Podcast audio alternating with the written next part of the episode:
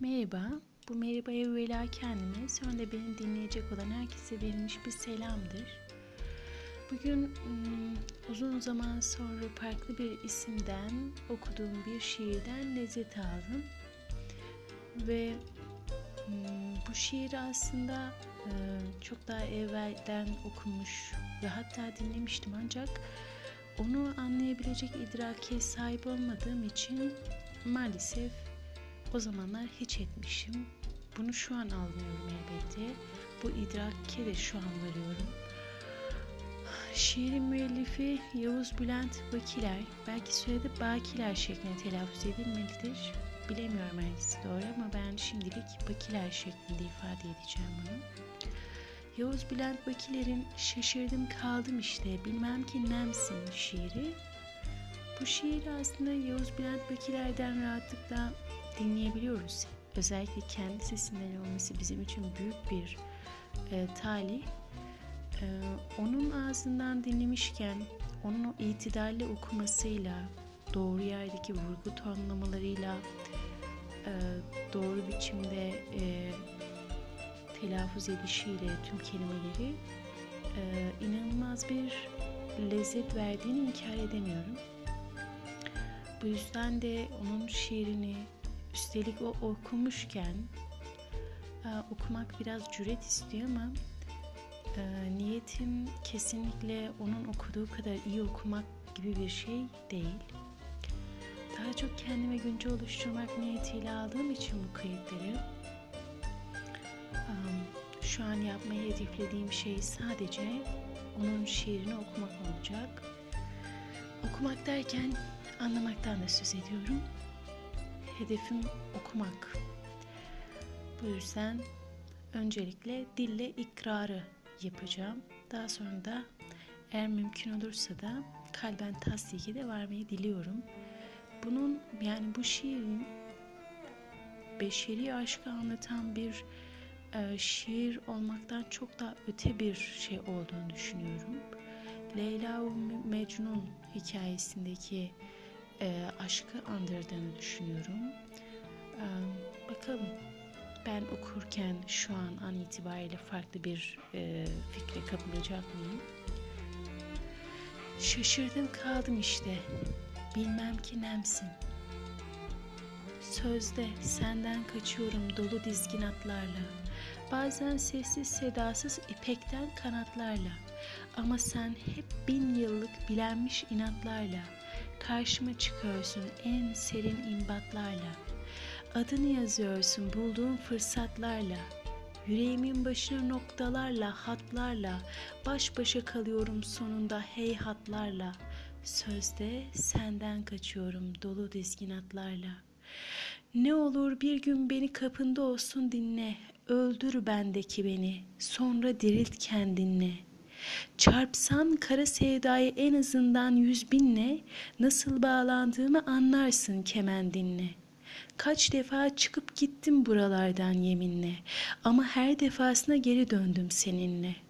Hangi düğüm çözülür nazla, sitemle, kinle? Ne olur bir gün beni kapında olsun dinle.'' Şaşırdım kaldım işte, bilmem ki nemsin. Bazen kız kardeşimsin, bazen öpöz annemsin. Sultanımsın susunca, konuşunca kölemsin. Eksilmeyen çilemsin. Orada ufuk çizgim, burada yanım yöremsin. Beni ruh gibi saran sonsuzluk dairemsin. Çaresizim, çaremsin. Şaşırdım kaldım işte, bilmem ki nemsin.'' Bu şiiri e, Yavuz Bülent Bakiler bir akşam şiir resitalinde okumuş. E, ve aynı zamanda bu şiir Harman isimli kitabında da geçen bir şiir. İşe bakın ki yarın da e, TÜYAP'ta onun imza günüymüş. Fakat İstanbul trafiği içerisinde oraya gitmek büyük bir külfet gözüküyor.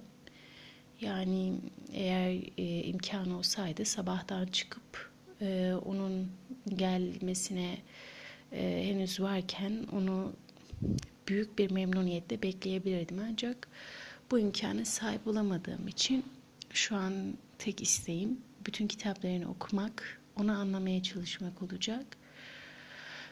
Yavuz Bülent Bakileri aslında bundan çok daha evvelinde de tam manasıyla hatmetmeyi dilemiştim. Ancak araya e, hiç beklemediğim bir biçimde İsmet Özel e, kitapları e, girdi.